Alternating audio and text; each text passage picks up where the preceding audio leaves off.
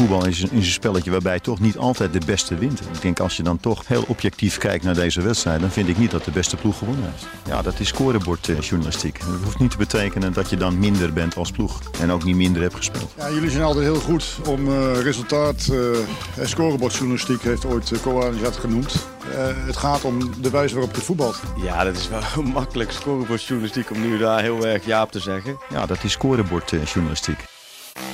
Welkom bij een nieuwe aflevering van Scorebordjournalistiek. En deze week zijn de rollen in scorebordjournalistiek uh, ten opzichte van een uh, normale week een beetje omgedraaid. Dat heeft alles te maken met ADO Den Haag. Ja, waarschijnlijk heb je er wel het een en ander over meegekregen dat er iets aan de hand is uh, bij ADO Den Haag. Er lijkt iedere dag een rechtszaak te zijn. Ze zijn te koop. Er zijn 25 verschillende partijen ondertussen, voor mijn gevoel, die ADO aan het kopen zijn. En ondertussen hebben we een Chinese eigenaar die ja, oorverdovend uh, stil is, uh, Stef de Bond. Hoe vaak heb jij in de afgelopen weken de muziek van Louis Armstrong gehoord? dat is een mooie. Dankjewel uh, Pieter Zwart overigens, de man die hier aan de andere kant van de microfoon staat en de honneurs waarneemt. Hoe vaak ik Louis Armstrong gehoord heb? Ja, nou, ik denk toch wel een keertje of zes, zeven minstens. En de andere keren kreeg ik meteen een voice meteen maar even uitleggen aan de mensen. Terry Wang, dat is de zoon van Hui Wang. Dat is, zeg maar, weer de eigenaar. Dat is de grote aandeelhouder, de eigenaar van de club. En uh, hij en samen met de andere Chinees, dat zijn eigenlijk de aanspreekpunten. Daar hebben we ook telefoonnummers van. Dus die heb ik meermaals geprobeerd te bellen de laatste weken. En uh, als je hem belt, krijg je uh, ja, een, uh, een prachtig nummer van Louis Armstrong te horen. Waarna een vrouwenstem vraagt: probeer het later nog eens. Dus, in het Chinees? Nee, dat is in het Engels. In het Engels. Dus dan, is het, dan luister ik het mooie muziekje af. Die komt dan twee keer. En dan hoor ik dat. En dan vragen ze nog een keer te bellen. En dan doe ik dat. En vervolgens hoef ik geen Spotify meer te luisteren. Omdat ik dan Louis Armstrong constant op mijn oor heb. Maar het geeft al aan de, hoe moeilijk het is. En ook hoe, ja, ja, hoe, hoe ja, ik wil bijna zeggen hoe onmogelijk deze hele situatie geworden is. Dus daarom lijkt me verstandig dat we vandaag inderdaad gewoon eens even uh, terug naar de basis gaan. En, en, eens even ja, iedereen uitleggen wat er nou bij ADO daadwerkelijk ja, speelt. Want terug naar de basis ook, terug naar een paar weken geleden. Toen nou ja, was het duidelijk, hey, er is wat gaande bij ADO Den Haag. Uh, wij vroegen jou, kun jij in dat dossier duiken? Hoe, hoe ga je dan te werk? Waar, waar begin je bij zo'n ingewikkelde club en zo'n ingewikkeld dossier als dit? Een goede vraag, ja. Ook omdat ik natuurlijk uh, van nature geen ADO Den Haag watcher ben. Nee. Uh, we hebben iemand, uh, Chris Tempelman, die zit uitstekend op het hele sportieve gebeuren. Nou, Chris heeft een, een, een, pakket, daar word je bang van. Die volgt ongeveer de hele eerste divisie, ADO Den Haag, Willem II en nog heel veel meer dan van dat. Dus de logische vraag, de, de, man die enkel en alleen één podcastje opneemt in de week, wat duik jij even het ADO-dossier? Ja, en het is natuurlijk onderzoeksjournalistiek, dus ja, er moet ook iemand dat kunnen doen die daar tijd voor kon vrijmaken. En zo was dat, zo was dat. Dus ja, hoe begin je dan? Uh, je begint eigenlijk uh, eerst met heel veel te lezen. Wat is er al over bekend? En je gaat eigenlijk helemaal terug. 2014 is ADO overgenomen door uh, United Fansen, de Chinese partij van Hu Yibang, de man die we net noemen. ik denk dat veel mensen dat nog wel een soort van bijstaat. Ja, weet, volgens mij Mark van der Kallen had de club gekocht. Toen kwamen de Chinezen en toen, nou ja, met de Chinezen zou het geld gaan komen. En uh, zou ADO de nou, sportieve Eredivisie top moeten gaan uh, beklimmen met een heleboel commercieel geld uh, uit China.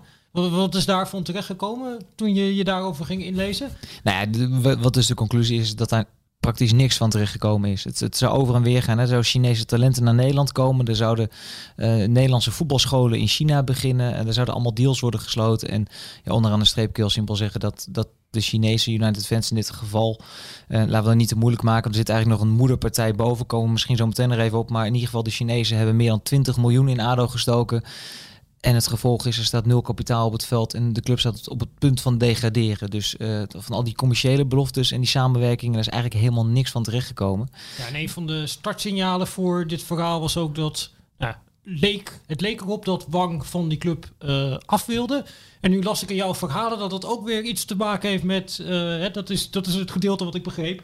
Dat ging in de privésfeer over een scheiding die daar zou kunnen plaatsvinden in de familie. En dat dat een rol zou spelen bij de mogelijke verkoop van Ouder Den Haag, toch? Ja, ja ik, ik, kan er niet omheen. Ja, dan gaan we het toch maar even uitleggen. En we, nogmaals, we gaan het hete terug proberen te brengen, want het is best gecompliceerd. Er komen veel namen naar voren.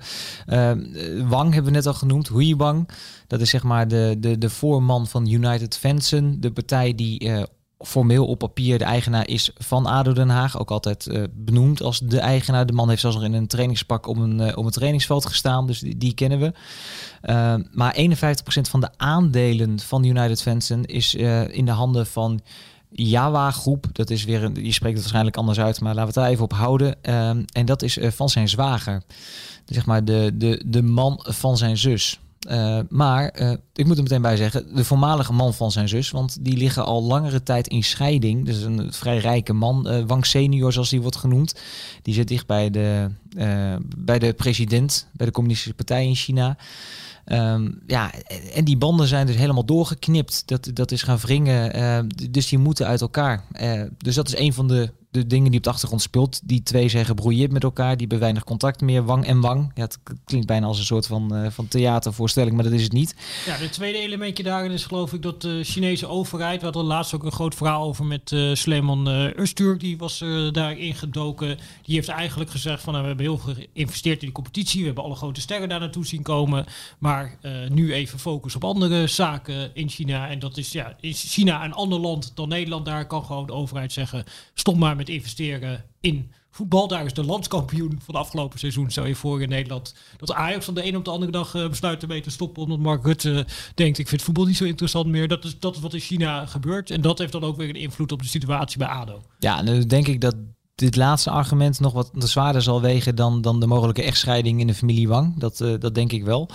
Um, inderdaad, wat uh, Suleiman recent ook al keurig opgeschreven heeft. Dat vanuit China is natuurlijk heel veel geld ook uh, geïnvesteerd. Kijk, die bedrijven zoals United Fansen, uh, die hadden zelf het geld niet. Maar dat wordt gewoon vanuit de staatspartij wordt gezegd van we willen investeren in Europees voetbal. Uh, wij, willen, wij willen op die markt aanwezig zijn. Wij willen grote talenten. Wij willen wij voor, voorop lopen. En dat geld komt natuurlijk ook gewoon vanuit de overheid. En dat geld moet nu terug. Follow the Money had er ook een goed artikel over. Ook over wat er gebeurt als niet het geld meer terugkomt. Dan kun je ook gewoon in de gevangenis terechtkomen. Ja, en dat speelt al sinds vorig jaar zomer. En grappig is, want dan komen we weer terug op wat ik gedaan heb. Je gaat ook kijken naar de tijdlijn, die ga je in kaart brengen van wanneer speelt er nu wat, wanneer gebeurt er wat. De laatste drie, vier weken gaat het over een overname van ADO. En ik kwam er al vrij snel achter dat in september eigenlijk uh, United Fans al bezig was om ADO Den Haag te verkopen. Dus het proces loopt al maanden en maanden. Ja, uh, om die tijdlijn in te vullen, dat hangt dan nu weer samen met de rechtszaken die afgelopen week geweest zijn. Namelijk over uh, ADO wil geld van United Fansen om de tekorten eigenlijk in de begroting te dichten. Om het even helemaal plat te slaan. Dan, dan sla je hem zeker plat. Ja, het, het, probleem is, ik heb het ook deze een artikel die ik geschreven heb, heb ik eigenlijk de, twee problemen benoemd. Of de twee zaken die naast elkaar liepen, maar heel erg met elkaar van doen hebben. Uh, enerzijds de verkoop van ADO. naar de argumenten daarvoor hebben we net gegeven. Waarom United Fansen op dit moment van ADO af wil. En tegelijkertijd inderdaad de financiële positie waarin ADO verkeert. Uh, nou, we hebben, van de week hebben we de uitspraak van de rechter gehad in een kort geding. Uh, gaan we die situatie ook even kort schetsen. Als jij een uh, eigenaar bent van een voetbalclub in Nederland, groot aandeelhouder, dan stelt de licentiecommissie van de KNVB dat je uh, garant staat voor de schulden van die club. Dus dat geldt bijvoorbeeld voor Vitesse. Uh, vroeger was het altijd uh, Tjigirinski die aan het begin van het seizoen een krabbeltje zette en dan was het van de schulden die Vitesse ja, neemt. Oif. Nu is het Oif inderdaad. Uh, de schulden die Vitesse heeft, die, uh, die ga ik... Ik zorg ervoor dat het einde van het jaar de boeken in ieder geval op nul staan. Bij ADO moest dat ook gebeuren. Handtekening is keurig gezet. Er is een afspraak gemaakt met de directie van... Uh, we krijgen een, een, periodieke betaling. Maar die betaling bleef uit. Eerst oktober uh, toen was het van ja, moeilijk en uh, het komt later, kan dat? Nou, vooruit. Toen was het uh, december. Toen werd het bij ADO al een beetje onrustig, want het geld was wel redelijk op. Toen heeft de directie heeft nog voor gezorgd dat er een, een casino in het stadion kwam. En ze hebben een, een priklocatie voor, voor de, tegen, tegen het coronavaccin, zeg maar, hebben ze op, het, op de parkeerplaats neergezet om allemaal maar externe gelden binnen te halen, zodat salarissen konden worden betaald. En toen was het van ja, na het Chinese nieuwjaar krijg je in één keer het complete bedrag. Nou, dat was 3 miljoen euro. Dat was inmiddels teruggebracht tot 2, omdat ADO wat commerciële succesjes zou hebben gehad. Maar na het Chinese nieuwjaar was er nog steeds geen geld. En bij ADO maakte zich toch wel zorgen. Ze waren weer met de pet rondgegaan bij alle sponsoren en allemaal stakeholders. Om nog één keer geld op te halen. Eh, ze merkten bij de club ook steeds meer dat die partij het niet meer wilde doen. Want ze wisten allemaal van ja, uh, Wang zit toch hier, die wil niet betalen. Uh, waar blijft dat? Ja, en toen was uiteindelijk het laatste redmiddel was de gang naar de rechter. Om ja, eigenlijk maar te dwingen uh, United fans in dit geval om het geld te betalen naar de rechter. ik was bij, die, bij dat kort geding vorige week. Het was een zetting van 11 minuten. De Chinezen waren niet aanwezig. Ik merkte vooral dat de rechter dat heel jammer vond, want die had heel veel zin. Die had zich goed ingelezen in de documenten. Uh, hoe gaat dat zo'n rechtszaak? Jij, jij, komt daar binnen. Nou, dit is natuurlijk de partij die eigenlijk aangeklaagd wordt. Die is er niet. Uh, wie, wie zijn daar wel? Uh, nou, dat, was uh, de algemeen directeur van ADO Den Haag samen met de financieel directeur, samen met twee advocaten. Ehm, daar was uh, de rechter en iedereen eromheen. Er was een, een bode die de een en de andere grap maakte. Die had het erg naar zijn zin. Die zei nog tegen de rechter van... ik had beter rechter kunnen worden... want als bode ben je de hele dag aan het werk. Jij bent na elf minuten klaar. Ehm, de rechter die nog even... Uh, ja, die nog even erop terugkwam dat ADO niet was uitgenodigd voor de Super League. Moest ook nog even een grapje in. Ja, en dan zaten er drie journalisten... En twee mensen, wil ik het zo meteen later even met je over hebben, die daar als belanghebbende de zaal inliepen waarvan wij dachten dat kan helemaal niet. Want de, de, de zaak was helemaal niet open. Ook coronatechnisch is het allemaal wat moeilijker om binnen te komen, ook bij zo'n kort geding.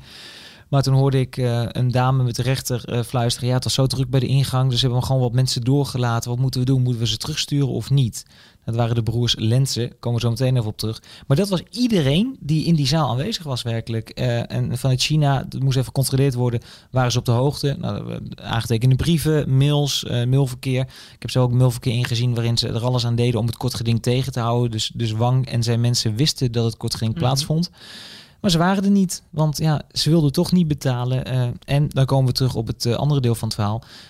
Ze dachten dat ze de club dan wel verkocht zouden hebben. En dat ze die schuld, die 2 miljoen euro, wel naar een andere persoon door konden schuiven. Ja, want dat is eigenlijk het lastige en het complexe van wat je zegt. Er zijn twee onderdelen. Je hebt dan deze rechtszaak. En ik denk dat wat, het ingewikkeld maakt, is dat je hebt eigenlijk drie partijen. Je hebt de partij Wang en de partij wat is zich in China afspeelt. En nou, daar krijg je eigenlijk ja, geen gehoor. Je krijgt daar Louis uh. Je hebt de partij ADO Den Haag, uh, zeg maar de club zelf. De mensen die daar nu werken, de advocaten die daar bezig zijn. De mensen die nog proberen die club uh, te redden voor de eredivisie.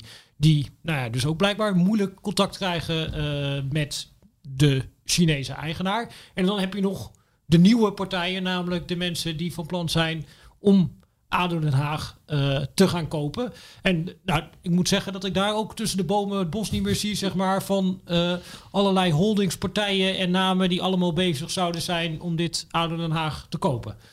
Ja, we, we hebben twee weken geleden geschreven over, over cowboys en fantasten. En dat waren er heel veel, Pieter. Want het, dat, dat zijn er echt ontzettend veel. Kijk, op een gegeven moment gaat het rondzingen in het wereldje. Ik moet zeggen, ik was er ook nog niet echt in thuis hoe dat nu ging. Ik had wel eens van collega's eh, Tom Knipping, Iwan van Duren daar wat meer over gehoord. Maar dan pas zie je hoe groot die wereld is van uh, tussenpersonen, uh, van mensen die, die denken dat ze wel iets kunnen verdienen aan een deal, maar ook aan geïnteresseerde uh, kopers. Want hoe verkoop je een voetbalclub? Maar het is een hele basale vraag, maar het is wel een interessant iets natuurlijk. Er, is, er zijn gewoon mensen, net als dat je, dat je een aankoopmakelaar, verkoopmakelaar hebt voor een huis, zijn er gewoon mensen gespecialiseerd inmiddels in, in ja, mensen in contact met elkaar brengen. Dat op een gegeven moment wordt er in het wereldje gewoon gedropt van een club staat te koop. Uh, en of dat nu in dit geval ADO Den Haag is. Het, terwijl ik het verhaal aan het maken was, kwam ik ook de hele MVV Maastricht tegen. Daar heb ik nog weinig over gelezen. Maar als ik alle geluiden moet geloven, dan gaat daar ook wat gebeuren. Nou, FC Den Bosch is een bekend voorbeeld ervan. Feyenoord komt er ook vaker voor het is gewoon een soort van, van eigen uh, groep binnen de voetballerij aan de onderkant. Uh, die met elkaar in contact staat. Dus dat zijn, dat zijn tussenpersonen die kennen mensen bij clubs, maar die kennen ook investeerders, vaak investeringspartijen, alles daaromheen. En dat communiceert met elkaar. Dat, dat, dat, dat appt, belt, of in het geval van de Chinese WeChat. Want dat, dat is de manier waarop ze, zij vooral communiceren. Ja doen ze alles mee trouwens, ook de betalingen bij WeChat. Dus dat je zou denken dat ook uh, zonder, zonder 2 miljoen dat het dan ook makkelijker gaat als dat uh, via WeChat zou kunnen. Ik zou, ik zou nu bijna zeggen dat als ADO Den Haag nu een WeChat-account aanmaakt, dat het geld binnen is, uh, Pieter. Nou, misschien heeft het opgelost bij dat deze. Dat is heel te zijde. Maar goed, er zijn dus meerdere partijen nee. die ADO Den Haag willen kopen, die dan via tussenpersonen nou, daarmee in aanraking komen. Kun, kun je kort schetsen, wat zijn de meest concrete kandidaten hierin?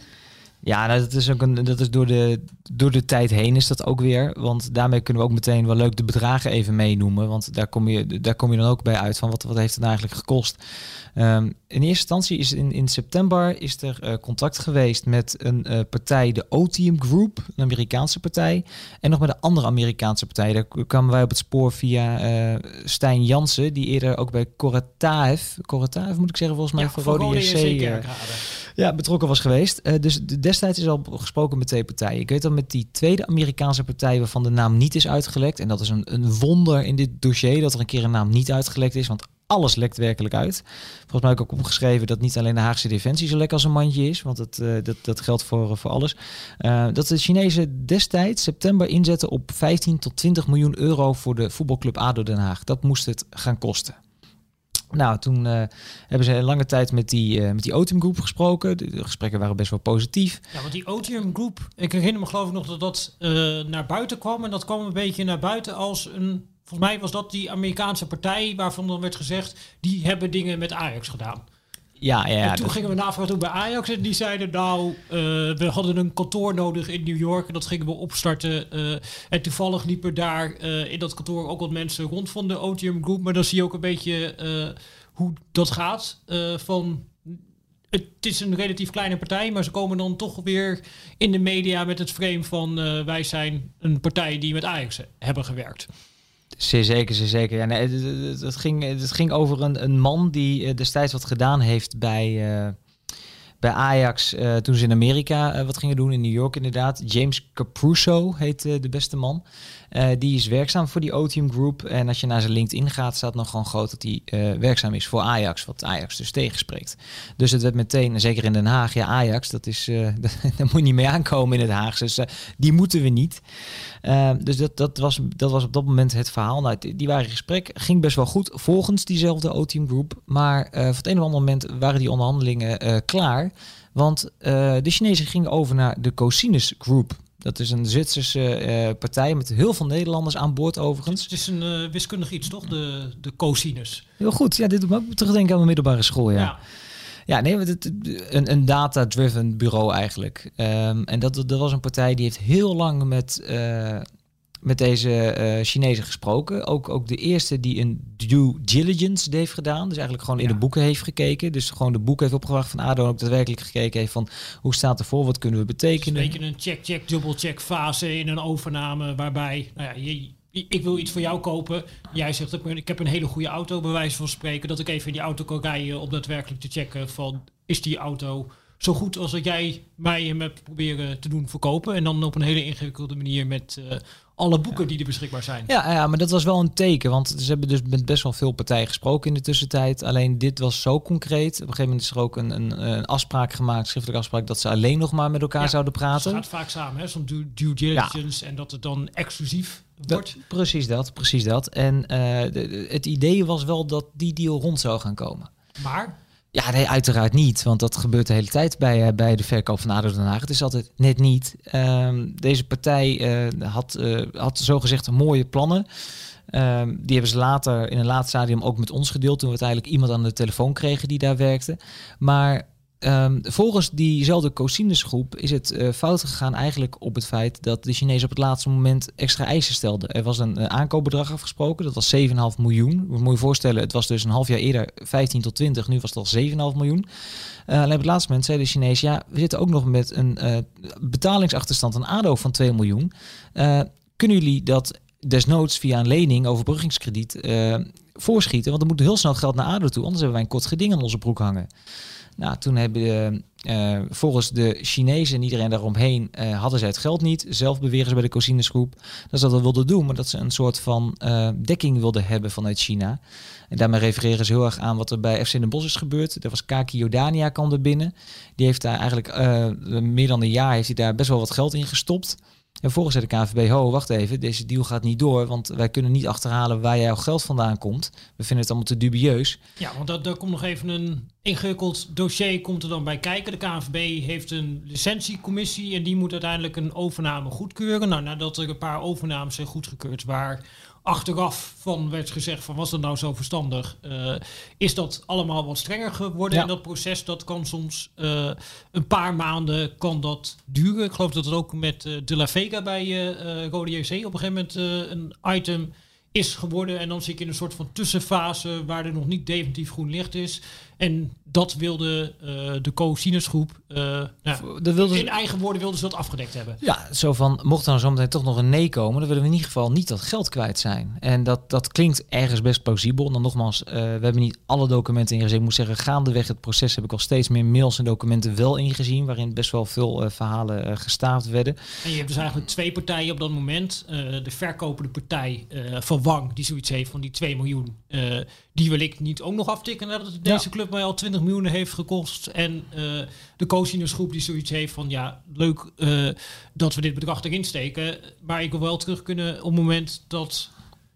Dat, dit dat, uiteindelijk niet goedgekeurd wordt door de KNVB-licentiecommissie. Precies, precies. Al waren ze er heilig van overtuigd dat de KNVB hiermee akkoord zouden gaan. Ja, wat de Casinos-groep eigenlijk wilde doen, was geld verdienen met alles behalve voetbal eigenlijk. Het was eigenlijk het idee dat er, uh, dat er field labs zouden komen, start-ups. Uh, eigenlijk moest ADO, ADO een soort van uh, ja, data... Innovatiehub. Innovatiehub, ja, dat de innovatie- en technologiehub. En daar kon, was heel veel geld mee te verdienen. En de, de man die ik daar gesproken heb, de Anthony Rotengatter, die had ook zoiets van ja de voetballerij is zo ouderwets. Je wil alleen maar geld verdienen met, met mediarechten en met uh, transfers. Uh, je moet juist geld verdienen om het voetbal heen. Nou, dat, uh... dan eigenlijk ADO Den Haag een soort van vliegwiel of vehikel om rondom ADO Den Haag met andere dingen geld te kunnen gaan verdienen. Ja, ja en het, het werd gewezen naar Frankfurt, waar dat ook al zou gebeuren. En ik heb het wat andere bestuurders voorgelegd in de Eredivisie. Die vonden het allemaal maar nou, wat, wat warrig. Ik heb ook de cijfers erbij gepubliceerd. Want ik had, uh, op een gegeven moment had ik in, in handen de presentatie die ze hadden gegeven aan andere investeerders. En, die ja, mocht jij niet hebben, toch?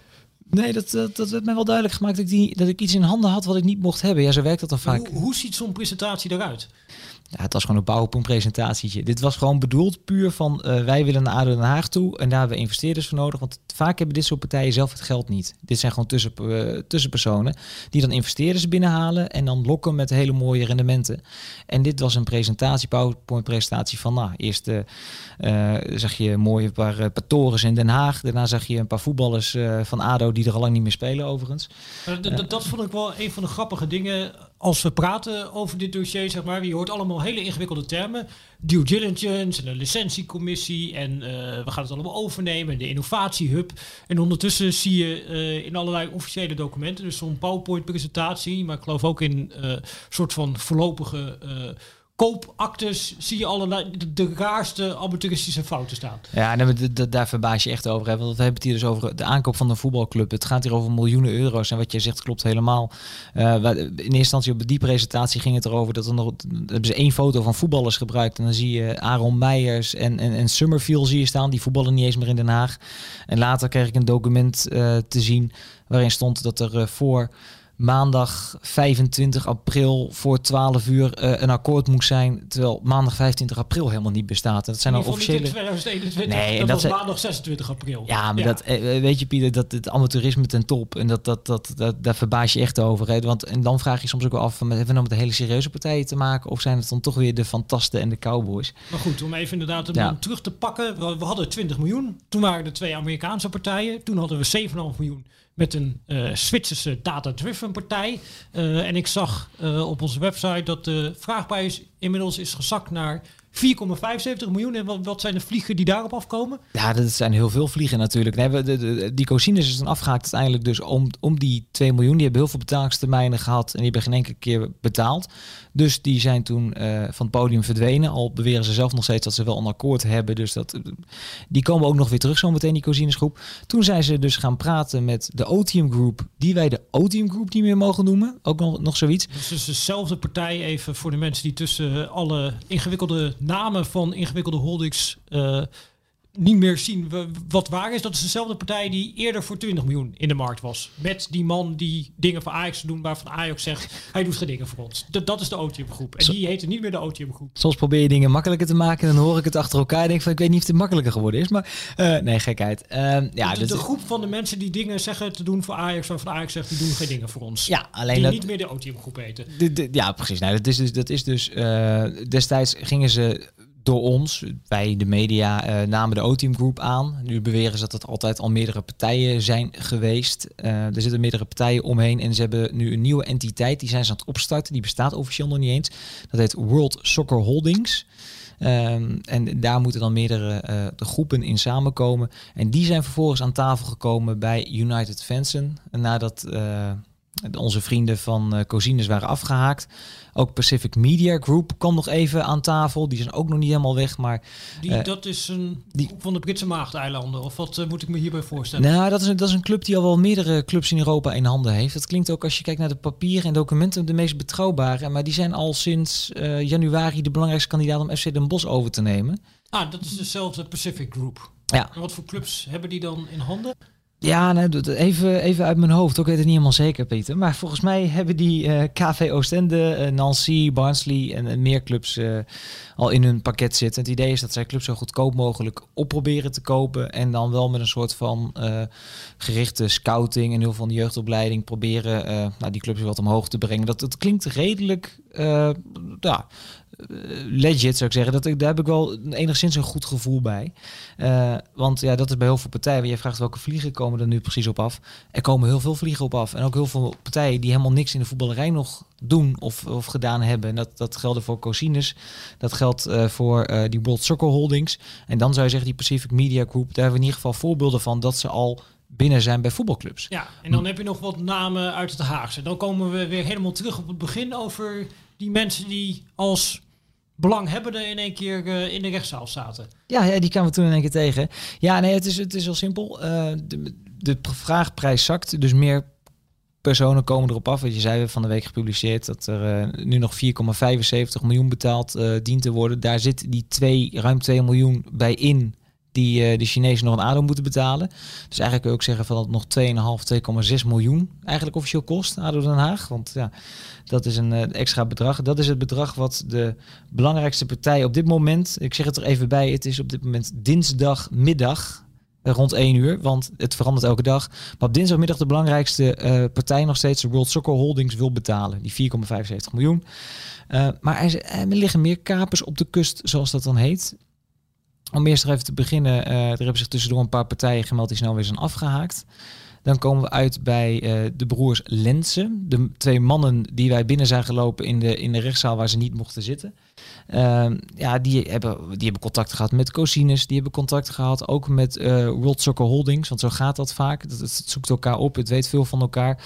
Maar hij is ook in gesprek met andere eh Hagenezen. Met andere partijen. We hebben ze twee weken geleden even gesproken. Toen was het van, ja, we kunnen er niet veel over zeggen. We bellen je terug. Nou, uiteraard ben ik niet meer teruggebeld. Zoals dat dan gaat. Maar eh, dat, dat is wel een groep Hagenezen die nu overweegt om eh, ja, in, die club, eh, in die club te komen. En ik heb zelfs begrepen dat er nog een andere Haagse partij is.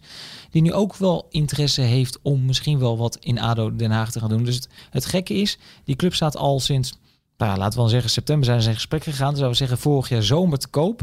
En, en nu de ene naar de andere partij heeft interesse om, om een club die op punt staat eh, van degraderen, die een behoorlijke schuldenlast heeft, ja, over te nemen. Ja, dan is het misschien wat dat betreft te vergelijken met een soort van eh, huis wat je op eh, funda zet, wat niet altijd best meer bij staat, maar voor 20 miljoen, ja, dan zijn er niet zoveel mensen geïnteresseerd. Maar op het moment dat het dermate goedkoop wordt, dat ze denken, nou, eh, misschien kan ik hier nog wel wat van maken, dan komen er in één keer heleboel partijen op af. Dat is de situatie waar we nu zitten met ADO. Dat, dat is de situatie waarin je nu verkeert. Met daarbij nog altijd de rare situatie natuurlijk dat eh, niet ADO Den Haag zelf de partij is die verkoopt. Maar dat gaat dus om eh, United Fansen. Ja. En de partij die daar dus, eh, die daar dus boven zit. Ehm, zij gaan over de verkoop uiteindelijk ehm, met, met World Soccer Holding zo'n afspraak zijn gemaakt dat 95,1% van de aandelen verkocht zouden worden. Dat zou ook, overigens ook betekenen dat United Fans er nog een paar procentpuntjes eh, in de zak houdt. Dat is ook om Machina te kunnen laten zien van ja, we hebben al wat geld terug, maar we hebben ook dit percentage nog. Dat kan in de toekomst alleen maar meer geld waard worden. Dus dan wordt de president ook niet meteen heel boos. Ehm, maar ja, die, die partijen worstelen nu. En, en wat we zeiden, World Soccer Holdings is de belangrijkste partij. En dat is wel een, een, een hele gekke situatie aan het worden. Ehm, eh, wij hebben daar eh, inmiddels best wel wat contact mee. Maar meestal in het hele onderzoek wat ik heb gedaan, ik moest graven, graven, graven. Ik denk dat ik 40, 50 mensen gebeld heb, uh, appjes, mailtjes, ook op locatie paar mensen gesproken. En je moet vertrouwen winnen en iemand moet jou wat vertellen en dan moet je dat weer checken en doorchecken ja. dit. En toen kwam World Soccer, World Soccer Holdings en die zocht contact met ons. Dat is dus een partij die eigenlijk op de achtergrond een, een voetbalclub wil kopen. En uh, ik kreeg op een gegeven moment een, een, appje van een van de mensen die daarbij betrokken is. Dat is een Nederlander, Bob Heer heet hij. Bob Heren. In Amerika zullen ze Heer zeggen. Uh, dat is een, dat is een ja, universitair docent. Maar die bovendien heel erg betrokken is bij dit soort onderdelen. En die zei van, mag ik jouw e-mailadres? Wij komen met een, met een persbericht nou ja, daar zijn we natuurlijk nooit te beroerd om dat even te geven. Dus uh, mijn, mijn e-mailadres ging naar buiten toe. En voor ik het wist kreeg ik een persbericht. En daarin gaven ze aan dat World Soccer Holdings inderdaad uh, in de race was om de club te kopen. Dat ze alles wilden doen. En toen kwamen we in een heel vreemd schaakspel terecht tussen uh, World Soccer Holdings en uh, de stichting ADO Den Haag en de vereniging HFC. Ja, maar dat is nog het laatste detailpunt waar we nog even, voordat we de vraag kunnen gaan stellen van oké, hoe nu uh, verder voor ADO Den Haag.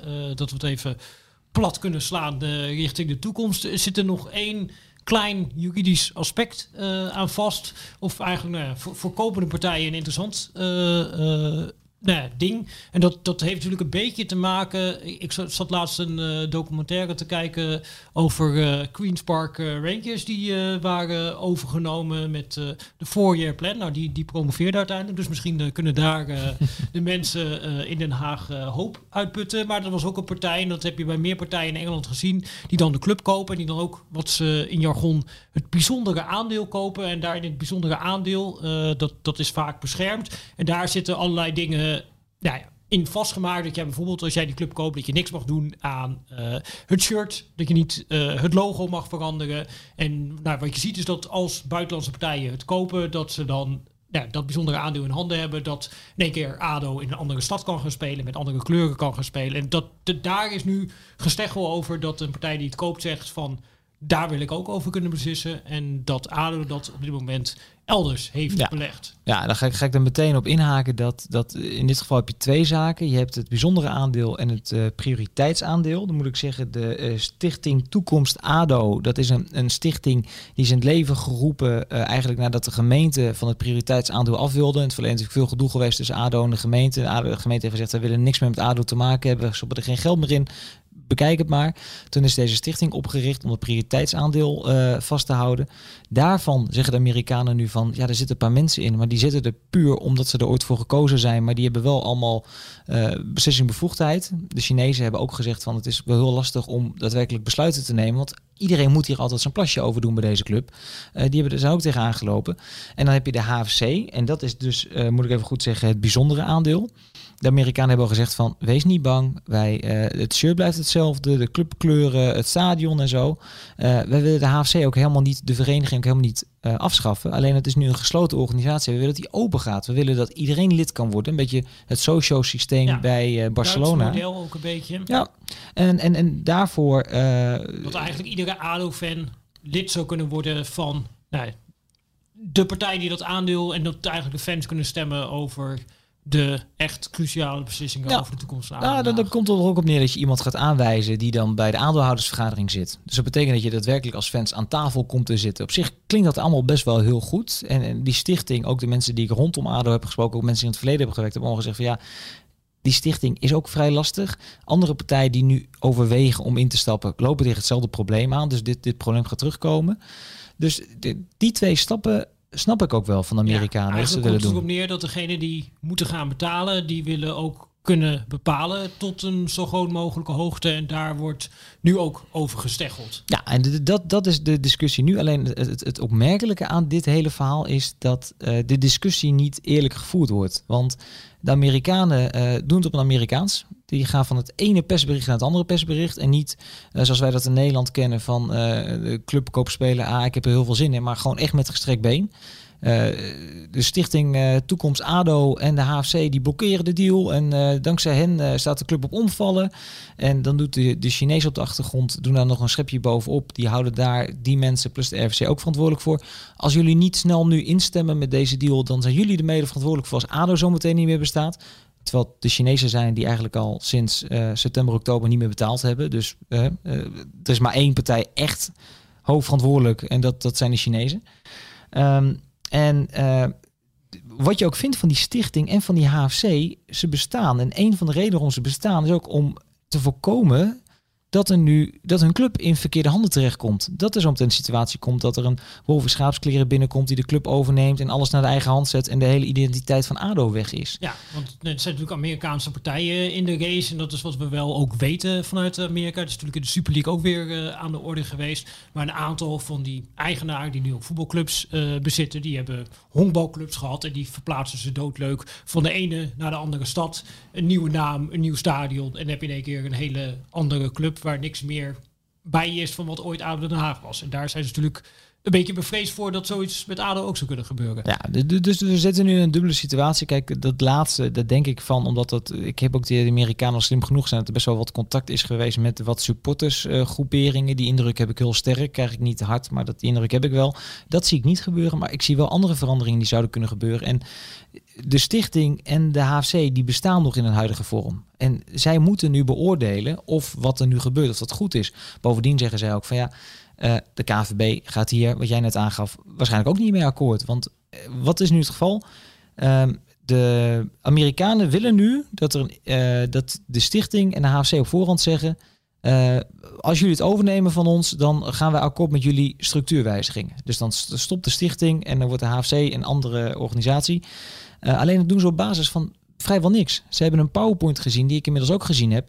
Ziet er fantastisch uit. Al AZ Alkmaar 3.0 worden. Eh, ze gaan nou uit van degradatie. En dan is het eh, binnen vier jaar is het richting Europees voetbal. We hebben het bij al die clubs gezien die zijn overgenomen, Pieter. Of het nou Roda, Den Bosch of wat dan ook Ja, was. iedereen gaat naar de Champions League. Het wordt heel druk met de Nederlandse deelnemers in de Champions League. Dan, misschien moet die Super League er toch komen, zodat wij dan met zes ploegen de Champions League in kunnen. Roda en FC de Bosch. Nee, maar zonder gekheid. Ehm, en die presentatie, ik kon er niet heel veel mee. Eh, de entiteit, de World Circle Holdings, bestaat nog niet. Die is een oprichting. Eh hun financiële achtergrond willen ze niet kenbaar maken. Dus wat ja, dat we betreft... weten ook niet wie er achter die holding zit eigenlijk. Nee, en dat, dat willen ze niet bekendmaken. En gisteravond, want ik moet je wel toegeven, ik dacht eh, toen jullie mij vroegen van wil je dit verhaal maken, ik denk daar ga ik een weekje heel druk mee zijn. Het is nu echt, het begint 's ochtends om half acht en het eindigt rond 12 uur, want we hebben ook nog met tijdsverschil in Amerika te maken. Gisteravond laat kwam er een, eh, weer een persbericht van de Amerikanen naar buiten, waarin eh, duidelijk werd dat het een, om een hele grote partij ging. Het ging om een, eh, iemand uit de, de Forbes 500, Fortune 500, dat is zeg maar de... de, de Ja, de 500 rijkste mensen van Amerika, zoals de quote 500 dat in Nederland is. Precies, Dus precies. wel flink wat geld. Ja, dit, het zou echt een bizar grote partij zijn. Dat had ik intern ook al wel gehoord. Maar in, ik kreeg ook al wel om mij heen te horen dat, dat ze druk bezig waren om in Nederland investeerders te zoeken. Omdat ze het geld niet bij elkaar zouden hebben. Nou, dat wordt tegengesproken. Eh, binnen een paar dagen zou eh, World Soccer Holdings bekendmaken om welke persoon het daadwerkelijk gaat. Ja, en die stichting en die, die HFC die hebben zoiets van ja, wij willen gewoon precies weten om wie het gaat. En we willen de financiën zien en we willen de plannen zien. Het is niet eens dat ze zozeer eh 100% tegen eh, het idee zijn. Want misschien dat die hervormingen ook wel nodig gaan zijn om ADO eh, verder te helpen. En nogmaals, wat ik al zei, ik denk dat andere partijen die instappen dezelfde voorwaarden gaan stellen. Alleen je wil wel weten aan wie je je club verkoopt. En, en die duidelijkheid hebben die Amerikanen niet geschetst. En toen had ik... Het is eigenlijk een Amerikaanse spookpartij. Je, je verkoopt jezelf aan een holding waarvan je geen idee hebt wat erachter zit en wat er gaat gebeuren. En ondertussen zeg maar alle rechten die je hebt waarmee je jezelf kan verdedigen. Eigenlijk alle wapens die je hebt om jezelf te verdedigen. Die, daarvan zegt de partij die je gaat kopen, geef die maar even vooraf aan mij. Het, het, komt wel goed. Ja, en eh, dan krijg je dus een spelletje van, eh, gaan wij nu eerst wat aan jullie geven of jullie eerst wat aan wij? En ik sprak die Amerikanen erover en eh, die waren gewoon verbaasd. Die zeiden letterlijk tegen mij, ADO is een drenkeling maar wil zelf bepalen hoe het gered gaat worden. Ze moeten gewoon stil blijven liggen en dan redden wij ze wel. En dat is, dat is het punt waar je op, op wat nu op uitkomt. Nou, toen, uh, om het even het pagina, even het verhaal even rond te maken voor nu. Um, de deal tussen United Fansen en deze Amerikaanse partij die was uh, verlopen. Toen het kort geding begon. Want eigenlijk hadden de Chinezen gezegd, voor het kort geding moet geregeld zijn. Want dan vervalt ook het kort geding, want dan kan het geld overgemaakt worden. Toen moest er dus uh, uiteindelijk een nieuw deal komen op papier. En toen kwam er een deal. En toen hadden we uiteraard weer de Amerikanen in de mailbox zitten en aan de telefoon hangen. Want ja, wat die Chinezen nu hadden gedaan. Die hadden eigenlijk gezegd van ja, uh, er moet nu per direct 2 miljoen naar, naar ADO. En daarna pas alle andere voorwaarden. Dus die hadden de voorwaarden veranderd. Dus de Amerikanen zeiden nee, we doen het niet. De stichting en de HFC hebben gezegd van wij willen pas praten als op papier staat dat jullie een akkoord hebben met elkaar. Dus moest er weer een nieuw akkoord worden uitonderhandeld. Er werd een nieuwe intentieverklaring. En ja, die heb ik ook even kort in mogen zien. Uh, waren ze weer niet blij mee met, met NDA's, met, uh, met allemaal... Non-disclosure agreements. Allemaal boetes die erop staan en zo. Maar heel gek, alles lekt uit bij ADO.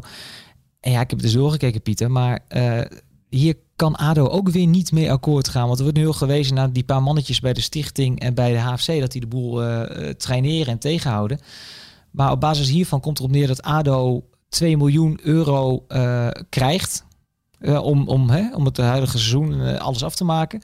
Maar dat tot 31 juli deze Amerikanen zich nog terug kunnen trekken. En dat ADO dan binnen 45 dagen het geld even terug moet betalen. Uh, ik weet niet hoe ADO dan in één keer aan 2 miljoen euro denkt te kunnen komen. Uh, en, en nog op andere uh, zaken die ook niet klopten in dat, in het document. Dus ja, dat is een, dit is een ongoing process. Ja, waarbij... Om een keer terug te komen op die metafoor van die drenkelingen. Ook, helemaal in het begin hebben we gezegd van je hebt hier eigenlijk drie partijen. De Chinezen die het nu bezitten. ADO, de drenkeling en de derde partij. Daar, wie, wie gaat het kopen?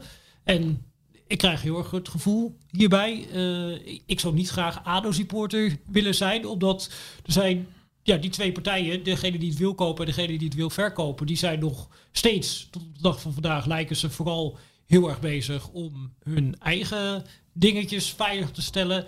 En ondertussen is ADO meer en meer aan het verzuipen, al een minuut onder water ja, het, het alleen is niet meer genoeg inmiddels. Het is, uh, nee, je hebt helemaal gelijk, want dat, dat is het verhaal nu. Deze partijen denken nog steeds dat ze het met elkaar eens kunnen worden. Ondertussen lopen andere partijen aan de achterkant warm, uh, zoals wij benoemden. Uh, die Cosinus groep is nu ook weer aan, aan boord. En ik sprak nu uh, die beste man nog een keertje, die Anthony Rotengatter. En die zei dat hij 35 miljoen in Utrecht op een bank klaar had staan. Had dus, althans een Duitse partij met wie die samenwerkte. ja, zo komen, ja, wil hem niet meteen betitelen als, uh, als, als, als vluchtfietser of fantastisch. Alleen zo blijven deze verhalen maar komen, komen, gaan. En onderaan de streep, want dan gaan we terug naar waar we nu zijn. Uh, ADO Den Haag is, is bankroet. ADO Den Haag heeft geen geld meer. Die hebben in april nog de salaris kunnen betalen. Twee dagen later was de bankrekening leeg. Ze hebben al een afspraak met de gemeente dat er al sinds oktober eigenlijk uh, een, een, andere betalingsregeling is. Dus voor de huur van het stadion betalen ze al lang niet meer wat ze moeten betalen.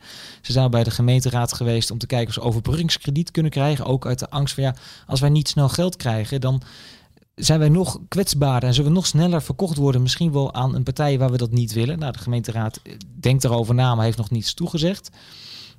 En de club kan op dit moment, de, ik had gisteren iemand van ESPN, uh, Jeroen Bezoek, die vroeg daarnaar. Ja, ik denk dat ADO Den eind van deze week boodschappen wil gaan doen. Dat, dat ze moeite hebben om het te betalen. Ik, ik weet niet of Ruud Brood nog een bakje koffie kan krijgen uit de automaat. Want dit is de, de, het geld is echt op. Ik begrijp ook dat ze bij de KNVB alles hebben gedaan om, om niet te betalen. Uh, ze proberen overal centjes vandaan te krijgen. De fiscus is ook nog een belangrijke partij in deze. En het is best wel, best wel kwalijk. Als er nu een partij zegt van ja, ik, uh, ADO, wij krijgen geld van jullie, willen het hebben. Ja, dan, dan moet je toch voorzichtig uh, gaan nadenken over een faillissement. Zo'n zo vaart zal het niet lopen. Uh, dat hebben we ook eerder gezegd trouwens bij clubs als, als RBC Roosendaal en zo. Maar er zijn te veel partijen aan de achterkant nog bezig om dit te redden. Maar het is, het is 5 voor 12. En het gekke is, ADO heeft het eigenlijk nog maar een heel klein beetje in eigen hand. Ja, ADO is aan het verzuipen. En de partijen die ze zouden kunnen redden, die zijn eigenlijk... nou ja, alleen maar aan het uh, onderhandelen over uh, hoe ze precies de drenkeling willen gaan redden. Ja, dat, is mooi, dat, dat, is mooi gezegd. Ja, wij, willen wel met een, wij willen wel met een bootje uh, er naartoe komen om je op te halen. Maar dan wel volgens de route die wij bepaald hebben. En dat betekent wel dat we nog even linksaf, rechtsaf, linksaf gaan. En als je dat niet goed vindt, ja, dan, laten we je liggen. dan, dan, dan verzuip je. Nou, wat ADO nu zelf aan het doen is, is dat ze morgen, dat is woensdag in principe, weer terug gaan naar de rechtbank. En dat betekent dat ze beslag gaan laten leggen op de aandelen van uh, United Fence. Want ja, ze hebben 2 miljoen euro te goed. De Chinezen hebben nog altijd niet betaald. Ik bedoel, het is nu, uh, het is nu net na 1 op, uh, op dinsdagmiddag. Koningsdag wordt in China niet gevierd. Maar ik, ik, ik vermoed dat het geld niet binnen gaat komen vandaag. dus heeft ADO recht op, om daar beslag op te laten leggen. En dat, dat zou betekenen dat onderhands de aandelen verpand kunnen worden. Dan, dan ga je eigenlijk naar een soort van ja, hoe moet ik dat zeggen? Uh, dan wordt het een soort van geveld eigenlijk de aandelen. Dat is weer een heel technisch verhaal. Dat is voor de volgende podcast, denk ik. um, maar het verhaal is wel dat ADO dan in ieder geval iets van de controle terugkrijgt. En dan kan het ook interessanter worden voor Chinese, uh, voor Nederlandse partijen, voor Haagse partijen zelfs, om, om in te stappen in uh, ADO Den Haag. Omdat dan eigenlijk United Fans, omdat daar beslag op is gelegd op die aandelen, er als partij tussenuit is. Dus we hebben het hele tijd over die drie partijen gehad. En dan zou je nog twee partijen over hebben. Ouder Den Haag en een mogelijke koper. Ja, en dan heb je wel weer te maken met, met een veiling. En dan kunnen, kunnen andere partijen nog tussendoor komen. En United Fansen uh, heeft nog wel wat in de melk te brokkelen. Maar nogmaals, ik zei, dat is een heel technisch verhaal. Maar dat is het enige wat ADO op dit moment kan doen. ADO moet, uh, moet zorgen dat het uh, de druk opvoert. Ook richting, uh, nou, druk voor richting de gemeente, maar ook uh, richting China. Ook omdat de gemeente bijvoorbeeld eerder geneigd zal zijn om bij te springen als het nodig is de komende dagen, weken. Als duidelijk is dat ze echt de banden met China gaan verbreken. Want dat zijn wel vrij harde eisen die ja. gesteld worden aan alle kanten. En ook van lokale investeerders die best wel willen meedenken. Maar het enige wat ik van iedereen deed het hoor is van zolang uh, Wang en United Venture daar nog zitten, doen we gewoon niks. Er is zoveel ellende geweest de laatste jaren. We doen het niet. En ja, het is nu echt hopen voor, voor, voor ADO dat, dat er een heel snel een, een goede partij komt. En je, je mag het niet hardop denken, want wij zijn totaal niet bevoordeeld. Maar als ik dan weer de verhalen van de Zwitsers hoor en nu al het gedoe met de Amerikanen van dichtbij een beetje meemaak, dan zou je toch bijna hopen dat er gewoon stel Haagse investeerders bij elkaar komt en, en zegt jongens, we, we trekken de portemonnee. En we gaan dus heel rustig bouwen aan, aan deze de mooie club, derde stad van Nederland. Ja, wat ergens is het terug natuurlijk. Wat er in een jaar tijd gebeurd is bij die club. Uh, nou, ze, ze bleven uiteindelijk dankzij de beslissing van de KNVB in de eredivisie. En als je dan ziet, als je het plat slaat wat er sindsdien gebeurd is, als ik jouw verhaal zo hoor, dan zijn ze nou, 15 miljoen euro is er verdampt uh, aan waarde. Uh, ze raken waarschijnlijk, als ze gaan degraderen, die, dat lijkt te gaan gebeuren, hun eredivisie status kwijt. En ondertussen zijn er 33 spelers bijgekomen waarvan je jezelf ook maar kan afvragen wat daar de toegevoegde waarde van geweest is. Maar dat vorige jaren uh, Ouder Den Haag is dan niet het track record uh, waar je heel blij mee bent. Ja, ik, ik heb begrepen dat, dat uh, twee maanden geleden Videoland uh, bij ADO is geweest met de vraag van kunnen wij over het einde van het seizoen nog een documentaire reeks maken. Dat is toch wel stom dat ze het niet gedaan hebben, want dat was, dat was natuurlijk gouden televisie geworden. Ik bedoel, we krijgen een docu over Feyenoord, docu over FC Utrecht, maar ik had dit van dichtbij wel willen zien. Ja, we hebben iets gezien over uh, de periode Alexander Rankovic. Zeker. Dat, dat, was ook al, toen was ook al duidelijk dat daar van alles uh, gaande was. Daar hebben we natuurlijk ook nog gehad, een ontslagen trainer. En nou, nu dus 2 miljoen euro zoeken ze op hele korte termijn, omdat ze anders hun rekeningen niet meer kunnen betalen. Nou ja, dat is lekker om zo de laatste paar maanden van het seizoen in te gaan. Maar, ver, maar vergis je ook niet, Pieter, wat, wat we dan, en dan, dat is gek genoeg de laatste zorg. Want ik zeg het ook op de, de, hè, op de beelden op de tribunes. Degradatie is al soort van uh, geaccepteerd. In, in het verleden, als ADO Den Haag op degraderen zou staan, dan hadden we toch best wel wat supporters bij de hoofdingang verwacht. Zeker bij een volksclub als ADO. Men heeft zich erbij neergelegd. En het is ook, de, wedstrijd daar is ook niet het belangrijkste. ADO speelde afgelopen weekend een wedstrijd. En op datzelfde moment kwam naar buiten, tenminste dat brachten wij dan op vi.nl, dat er weer gedoe was met, met de potentiële nieuwe, uh, nieuwe eigenaar. Dat er ruzie was tussen de Amerikanen en de Chinezen. Dat nieuws overstemde, dat zagen we ook op vi.nl, de nieuws van de nederlaag van ADO Den Haag. Het, het, het, is zo bizar. En bij die, wat denk je bij die club zelf? Die dit is de fase. Al die eredivisieclubs zijn bezig met volgend seizoen. Uh, wie is je trainer? Hoe ziet je selectie eruit? De, de, de, scouting, al die zaken. ADO kan niks. ADO staat met de handen op de rug gebonden, want er is geen geld, er is geen perspectief. Uh, het enige wat ze nu redelijk zeker lijken te weten is dat ze naar de eerste divisie toe gaan. Maar stel dat je een talentvolle jongen onder contract hebt staan waarvan je denkt van nou daar willen we wel mee verder. Je, je kan geen gesprek aangaan. Nee.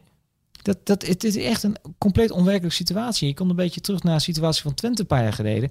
Dat je niet raar moet opkijken dat ADO volgend seizoen gewoon de eerste training met zes man staat. Omdat, ja, waarschijnlijk moeten ze gewoon vrijwel iedereen laten gaan. Uh, en, en, en maar hopen dat, dat als het seizoen begint, dat de situatie weer, uh, weer op orde is. En dat, uh, ja, het, is wat dat betreft, kijk, als buitenstaander kun je zeggen van het, het, is, het is sappig, het is, het is interessant, er gebeurt van alles. Maar als je ADO-supporter bent en je, die, die, die mooie club met die rijke historie en die, hoort al dit gezeik aan de achterkant. En je leest al die, die verhalen bij ons, bij het AD, bij de collega's van Omroep West. Dan word je toch ook wel heel verdrietig, denk ik. Ja, dat is dan een beetje de slotsom hè, van deze podcast. Uh, we hebben een jaar ADO in volgevlucht doorgenomen. Alle zaken die de spelen juridisch, financieel, overname, geldtekort. Ja, en de conclusie is een beetje, het is allemaal om heel erg treurig van te worden. En de situatie zoals het nu is, is dat de kans het grootste is dat ADO Den Haag gekocht gaat worden door een Amerikaanse holding waarvan we geen idee hebben wie erachter zit. Dus dat ze gekocht worden door een spookpartij. Ja, nou die laatste conclusie durf ik nog niet met je te delen. Omdat ik nog steeds denk dat de stichting uh, Toekomst ADO en HAC niet akkoord zullen gaan. Waardoor dat niet gebeurt. En wat we natuurlijk opmerkten. Uiteindelijk zal dus ook de licentiecommissie van de KVB ergens weer wat van moeten vinden. Uh, de conclusie is dat de club te koop staat en dat die verkocht zal moeten worden. Dat er een einde komt aan zeven jaar Chinese invloeden in Den Haag. Ik denk dat dat heel goed is dat er een einde aan komt. Ja, Alleen nu hopen ze na zeven magere jaren dat de zeven vette jaren eindelijk uh, gaan komen om maar eens een uh, bijbelse parallel te trekken. Nou, dat, dat, dat, dat, dat, dat is ADO denk ik gegund. De enige zekere overwinning dit seizoen was in de rechtbank vorige week bij het kort geding. En dat is natuurlijk veelzeggend. Dus, sportief kan het wat dat betreft alleen maar beter gaan.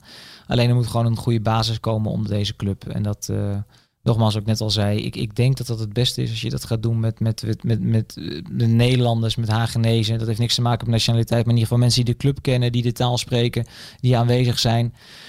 En uh, alleen, ja, deze podcast uh, zal waarschijnlijk op woensdag op alle kanalen verschijnen op vi.nl. Misschien dat je deze podcast hoort op vrijdag of zaterdag. En dat je bij jezelf denkt van, nou, ik heb alweer zoveel nieuws gelezen. Ja, dat, dat is ook de situatie, omdat het zo precair is, omdat er zoveel gebeurt ja, dat, dat, elke dag is er, een, is er een verandering. Het enige wat we dan kunnen zeggen is, uh, ga naar vi.nl, ga naar VI Pro. Want ja, we blijven het volgen, Pieter. Ja, dank uh, voor dit uh, inkijkje in de wonderenwereld van Ouder Den Haag. Wat er achter de schermen allemaal gebeurt.